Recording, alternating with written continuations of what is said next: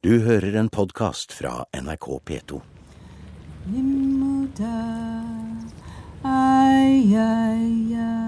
Da vi hadde brakt i land alt og betøyet skuta, ble Lund og jeg sendt ut for å søke etter vilt.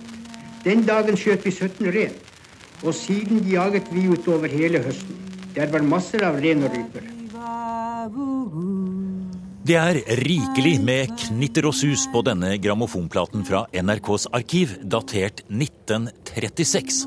Den som snakker, er selveste Helmer Hansen, født 1870 i Vesterålen. Helmer Hansen var med Roald Amundsen i 18 år.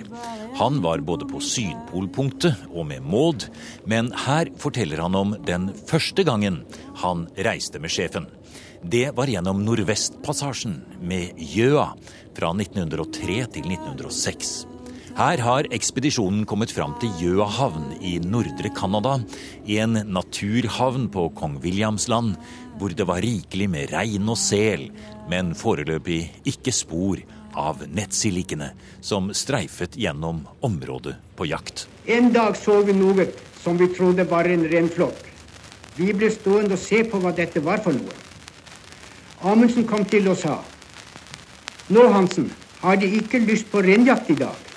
Jo, sa jeg, men det var noe merkelig med denne reinen, for det synes som om den går på to. Amundsen tok da kikkerten.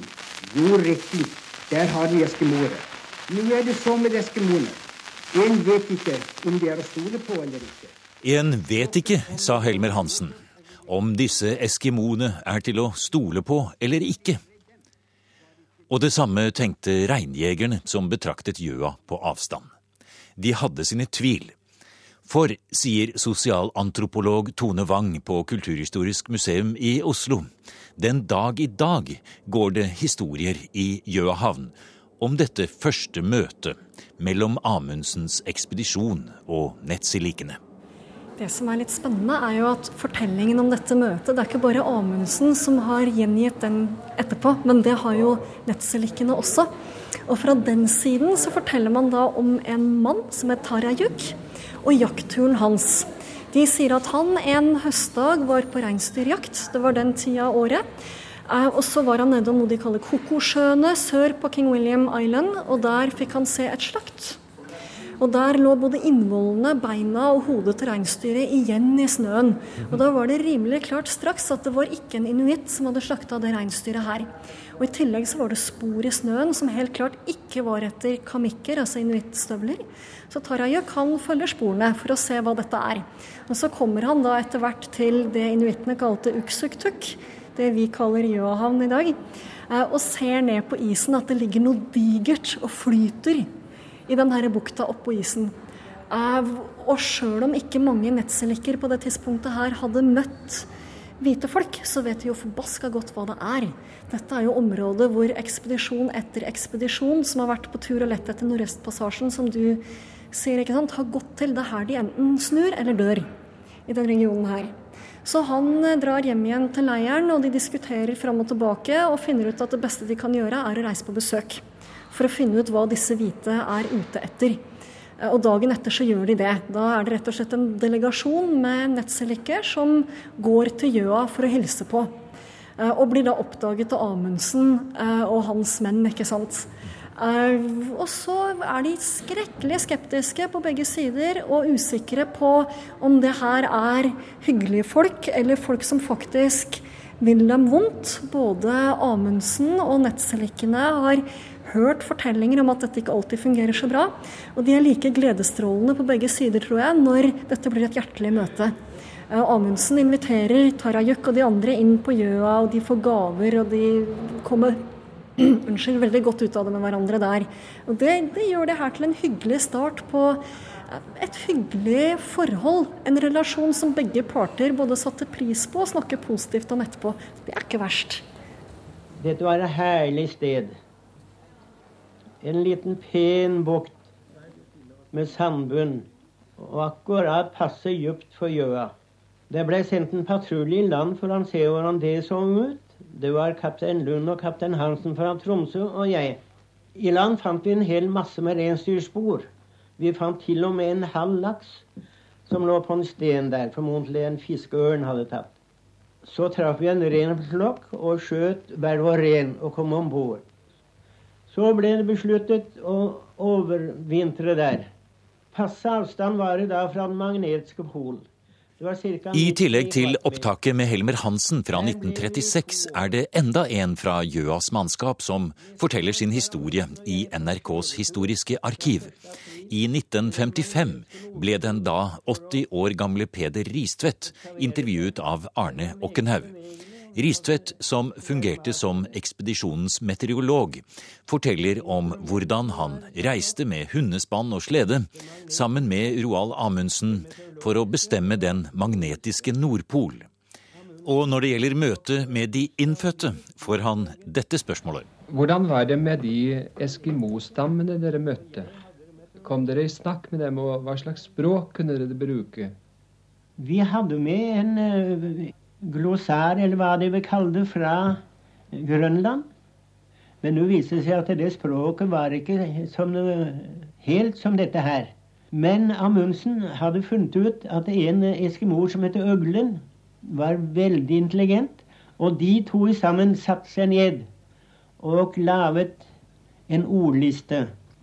Amundsen pekte på alle verdens ting etter tur, og Uglen sa hva det het. På den måten så kom vi litt nærmere hverandre. Kom dere godt overens med eskimoene? Ja, alltid. Amundsen satte strenge regler. At landets lover må følges. Vi må ikke forsøke på å gjøre noe uh, før innføre noe nytt her. Vi var gode med alle, og det viste seg, som var meget morsomt, at Amundsen ved sitt vesen han fanget eskimoene fortere enn noen av oss andre. Handlet dere noe med eskimoene? Ja, all handel var forbeholdt uh, sjefen. Fordi at det vi skulle handle, det var da uh, skinnklær. Det kjøpte han. Og så var det etnografiske uh, gjenstander da, som vi hadde en masse med hjem. Ja. Her begynner vi. Ja, Vi begynner helt nederst i trappa, på sida der like innenfor ytterdøra i museet. Eh, og det som står på trappetrinnene oppover her, det er Inuksvit. Hva, hva var det du sa det var? Inuksvit. Inuksjuk entall og Inuksvit flertall. Dette er vorder. Ja, og vanligvis er de digre. Det står en stor en ute foran Gjøa på Bygdøy, som du sikkert har sett. Dette er minivarianten, og man setter de opp i Arktis på steder man ønsker å huske, eller for å vise veien til noe som er viktig. Disse er laget av elever ved Karlsrud skole her i Oslo. Spesielt til utstillingen, sånn at vi skal få en sånn vei som leder oss oppover trappa og inn i selve utstillingen. Og den utstillingen Tone Wang tar oss med til, er en helt ny presentasjon av utvalgte deler av det etnografiske materialet Roald Amundsens ekspedisjon tok med tilbake fra Gjøa havn i 1906. Selve skuta ble som kjent stående i Golden Gate Park i San Francisco helt til 1972, da den ble hentet hjem til Bygdøynes og satt på land ved Framhuset.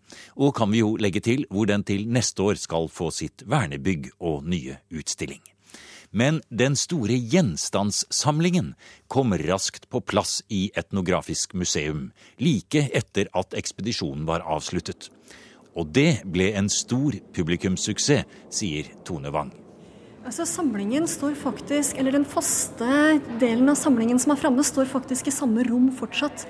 Men den gangen, med en gang han hadde kommet igjen, så var hele salen full av bare disse gjenstandene han hadde med seg hjem. Er presentert mot et digert, rent norsk flagg som dekka nesten den ene langveggen. Det er helt gedigent når man ser på det i ettertid, ja. Og tusenvis av publikummere strømmet jo til. Lang kø, stor stas. Ja, ja, Veldig populært. Men så eh, ble en del av denne samlingen stående, som du sier. Litt av den, av de kanskje viktigste symboltingene. Men veldig mye av den ble jo eh, pakket bort og sto på lager og andre steder. Men nå har dere altså tatt frem igjen en god del av det, og den står her så flott og, og lyser mot oss. Og hvordan har dere gjort det? Hva er det du viser fram her, Tone? Nei, Først og fremst er vi opptatt av at ja, Roald Amundsen er han vi kjenner. Og han må komme til orde. Så portrettet hans er plassert midt i utstillingen her. Der henger han og skuer utover tingene han tok med seg hjem. Men så tenker vi at det er to sider til denne fortellingen her, og vi er opptatt av å få fram begge deler. Så da har vi hengt en gullramme til på veggen her borte. Siden, ja. Og Ja. det er ikke en av Amundsens menn. Nei, men det er en av de mennene Amundsen ble godt kjent med i Gjøhavn, mens han holdt til der, og der var han i nesten to år, så han ble godt kjent med de folka han møtte der. Så på veggen her henger da Umikdualu og titter ut i utstillingen, han også. Umikdualu, som er en netsilik, da, hvis jeg har lært meg ordet riktig. Hva er netsilikene? Netsilikene er en inuittgruppe i det som i dag kalles Nunavut, altså på midten av Canada-kartet, helt øverst, liksom. Eh, Og netsilik betyr selfolket. Så det disse folka har sett på som det mest sentrale dyret, og det de på en måte lever av, det er ringselen. Og vi sier sel og tenker at det er greit, men her er det ringsel det er snakk om når vi snakker om sel, altså ikke en hvilken som helst sel. Og den ligger der. Aha, der ligger ja, en som ligger her. Vi går rundt og kikker her. Det er fotografier og gjenstander og originaler og mange ting her. Og en liten ringsel, ja. Unak heter Er det Det er harpunen. Det er harpunen man dreper den med, ja. Ikke sant? Natsik, eller netsik heter ringselen, så da blir det netsilik. Og se, oppå veggen her henger det altså én, to, tre, fire, fem fantastiske Ja, for meg ser det ut som trespyd, men det er selvfølgelig det de brukte til å, å jakte sel med. Ja, det er det de brukte til å jakte sel med. Ser du, spissen og det lange repet er løst, og så skaftet fungerer på egen hånd ved siden av. Lettere å se på veggen her. Der, ja. Der har dere satt opp. Og her, nå går vi fra monter til monter, hadde jeg nær. Og det er jo elegant satt opp. Det er eh, hvitt og lekkert og moderne, samtidig som det er sterke farver og autentisitet i gjenstandene som står inni monterne her. Og vi går bort til en av dem her nå. Nå må du fortelle hva dette er, for det ser nesten bare ut som et kunstverk på en måte. Noen klubber og noen sorte ting som ligger her. Hva er dette? Dette er det mest klissete vi noen gang har stilt ut på dette museet, tror jeg. Den mest fantastisk grisete museumsgjenstanden du tenker deg kan. Det du har på midten her, det er faktisk hele skinnet av en ringsel. Eh, Da det var i bruk, så ble det brukt som spekkpose. Så dette er spekkmonteret vårt med spekklubber, spekkpose og spekklampe. Og dette spekket er bl.a. brensel i disse lampene man har brukt i igloen. ikke sant? Så da har man fylt den posen her med spekk, og så har man brukt klubba til å banke det løs og banke det mykt når man skal brenne det i lampa. Men man får jo ikke spekket ut av det skinnet igjen. Sånn at hvis man tar Vi på den, ser så her, man vi går helt inntil vinden. vind. og klissete på hendene. Har du altså. sett hva- Det er helt Jeg tenker det luk, lukter litt spesielt òg, det lukter harskt spekk. Det, er, det er resultatet når du legger det på lager i drøye 100 år. Men altså, det, det, det har sånn spesiell film lagt under seg på hylla her for at ikke vi skal søle til hele huset. I tillegg til at gjenstandene fra Gjøa havn er flotte i seg selv, er det også en helt ny grunn til at Kulturhistorisk museum nå viser utstillingen om selfolkets møte med Amundsen, arktiske eksperter. Helt siden 100-årsjubileet for Nordvestpassasjen i 2006 har kontakten mellom de norske fagmiljøene og nettsilikene blitt gjenopptatt. Sangen vi hører i bakgrunnen her, ble f.eks. framført av delegasjonen som kom fra Nord-Canada for å avduke Netsilik Inuksvitten, eller den skulpturlignende varden som ble satt opp foran Gjøa.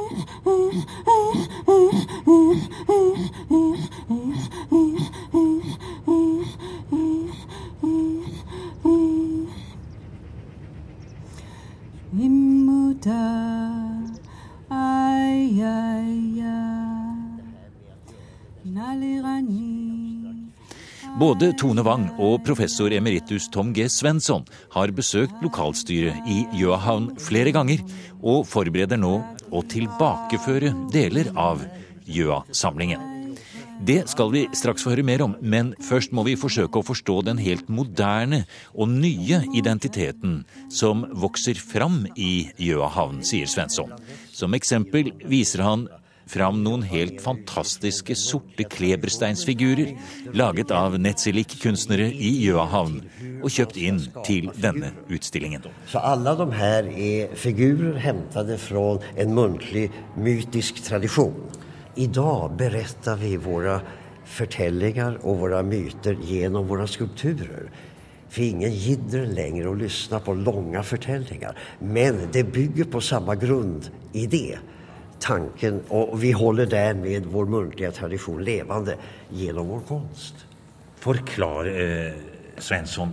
Jeg setter meg ned og ser her, og nå ser jeg rett inn i to hvite øyne nær sagt, som står i en sort, ja. fantastisk eh, liten skulptur som er kanskje en 25 cm høy. Mm. Og i hendene så holder denne figuren, som er en Netzelik figur med drakt og det hele, kommer mot oss her nå med et hevet eh, spyd. Eh, altså, beskriv det uttrykket du ser når vi står her og Ja, det er ikke så lett. Det, det ofte er de her uttrykkene litt skremmende. Eh, og det går igjen på mange steder. Altså, det her er jo et fiskespyd. Eh, og det er noen klubber. Og det der er jo en trumdansere, som de sier. Altså, Ja, på den figuren bak, ja. Den syns litt tydeligere hva det er. Og den andre er en eh, Han står Ja. bare på ett ben. Han, Han står på ett ben Og og har en klubba, Ja, ja. og så har han en sånn der slunga. Ja. En bola, som det, boran som det heter, som de sier, for å fånga fugler i luften. Og det er derfor han er i rørelse. Ja, Og det, det- ska man jo være når man, det är som slengkastere. Ja, ja. ja.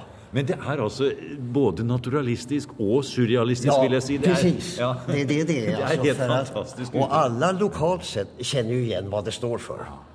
Det er lett å identifiera. Dette er det, dette er det. Og alle skulpturer. Er ja, det er to som, en som har gjort de der to. Wayne der borte og eh, Leo har gjort den der. Men de har sin stil. og man kjenner igjen med en gang vem som har gjort vad.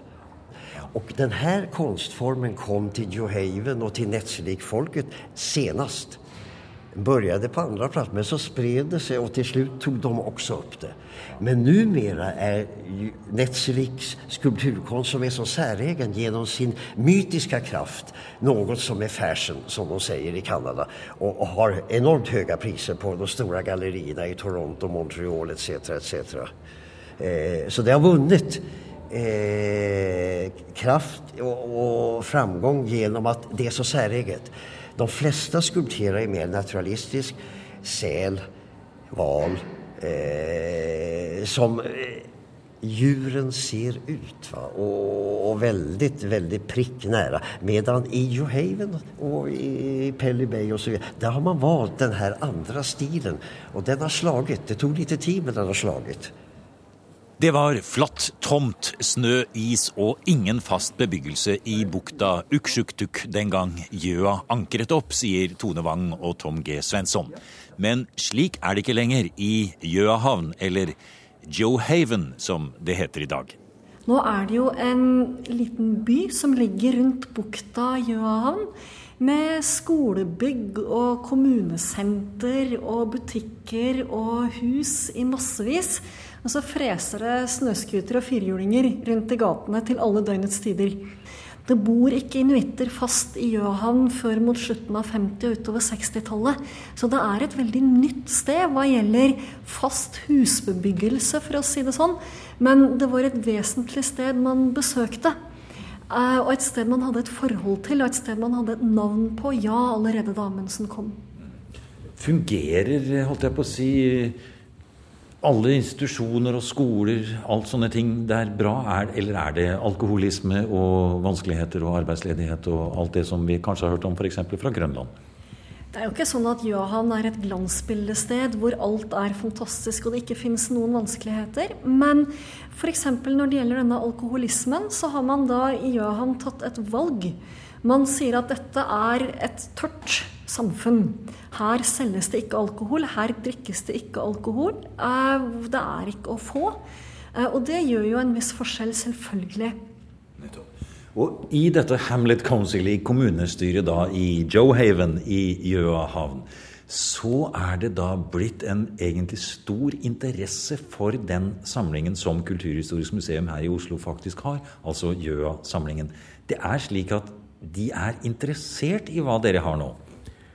Ja, vi har jo kommet på, det er vårt initiativ, at med anledning av universitetet og museets 200-årsjubileum gjøre en symbolisk gest gjennom å repartere et mindre antall föremål fra Amundsen-samlingen tilbake til ursprungsorten. Vi vet att det inte finns något museum, men vi har undersökt vad det i övrigt finns möjligheter och faciliteter för att ta emot det och hantera det på ett professionellt eh, försvarligt sätt. Vi åkte då först över och la fram förslaget för Hamner Council och för andra personer och aktörer och fick den respons vi trenger för att arbeta vidare med saken. Responsen var genomgående veldig positiv. Vi hadde en dialog. Det stilles aktivt spørsmål, og man var veldig begeistra for å få de her eksemplene. Det er jo urval av föremål og det er viktig å poengtere, som representerer det centrala i Netzili-kulturens vardag. Fångst og jaktredskap, redskap som anknyter til hushållsverksamhet, matlagning etc. Og det er et mindre antall, opp til maximum 15 stycken. De er ikke sårbare for flytning, de er ikke sårbare for å hamna noen annanstans. De, vi har mange dubletter, så at det inverkar ikke på vår samlings allmänna kvalitet. Vi kan med trygghet ge bort detta och det kommer att betyda mycket för dem där borta när de från och med nästa år får inviga ett nytt kulturarvscenter som också ska ha utställning. Och vi har ställt krav på vilka montrar de i så fall måtte skaffa och de är klar över det och har redan inlett ansökan om ekonomisk stötte till att förvärva sådana montrar som vi menar är ett minimumkrav. Som sagt, och därmed har vi också då byggt en ny bro mellan Johaven, där Amundsen och hans besättning var i 22 månader, och universitetet i Oslo med det här museet. Och det sätter man värde på här, men man sätter också värde på det i stor grad där borta i Johaven. För fortsatt förstärkt eh, kontakt. Och en sak är viktig också att poängtera, det är ju att de får 15 konkreta gjenstander. Men de får ju också tillgång till genom online och se hela samlingen. De kan sitta i Johaven, skolbarn och elever på Arctic College och privatpersoner som har tillgång på internet och, och gå vidare och fördjupa sig i den samling som nå får litt et utsnitt av. Og Nå får altså samlingen et uh, nytt liv, Tone, og du skal holde den kontakten fremover og stadig følge opp det. Eh, altså, Hvis vi avslutter litt med det, eh, hva tror du dette vil avstedkomme i Gjøahavn når det kommer? Hvilken, kommer de til å få et nytt syn på sin egen historie? Får de et nytt syn på nær sagt Amundsens ekspedisjon? Hvilken rolle kommer disse gjenstandene til å spille i lokalsamfunnet der oppe? Og det er et forbaska godt spørsmål. La oss håpe at det vil bidra til en fornyet interesse i fortiden. Det man ser for seg sånn helt konkret og i første rekke, er at det skal være viktig i forhold til ikke bare folk i Johan, men også i forhold til turister. Det blir cruiseskiptrafikk på Johan mer og mer nå som isforholdene i Nordvestpassasjen endrer seg som de gjør. Og så håper jo vi her ved museet, og det, det jobber vi hardt og innstendig med for tida, at dette skal være ikke en sånn 'her har vi noen ting som dere kan få, vær så god, ferdig med det, nå går vi vår vei igjen', men at dette skal være begynnelsen på et samarbeid. Som kan være til glede og nytte for begge parter. Og da kan man jo se for seg mange muligheter framover.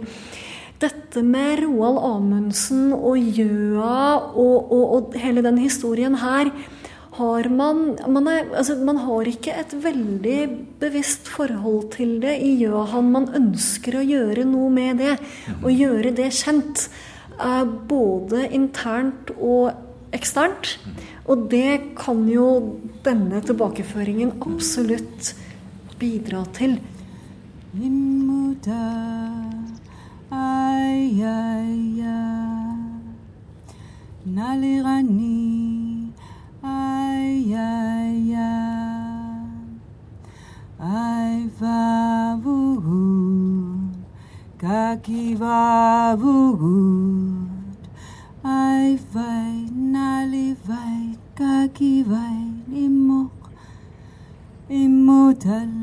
tali mallo ki ki tsalui ki ki ki ki you to go mitaya ingilu te ko polungong itsuel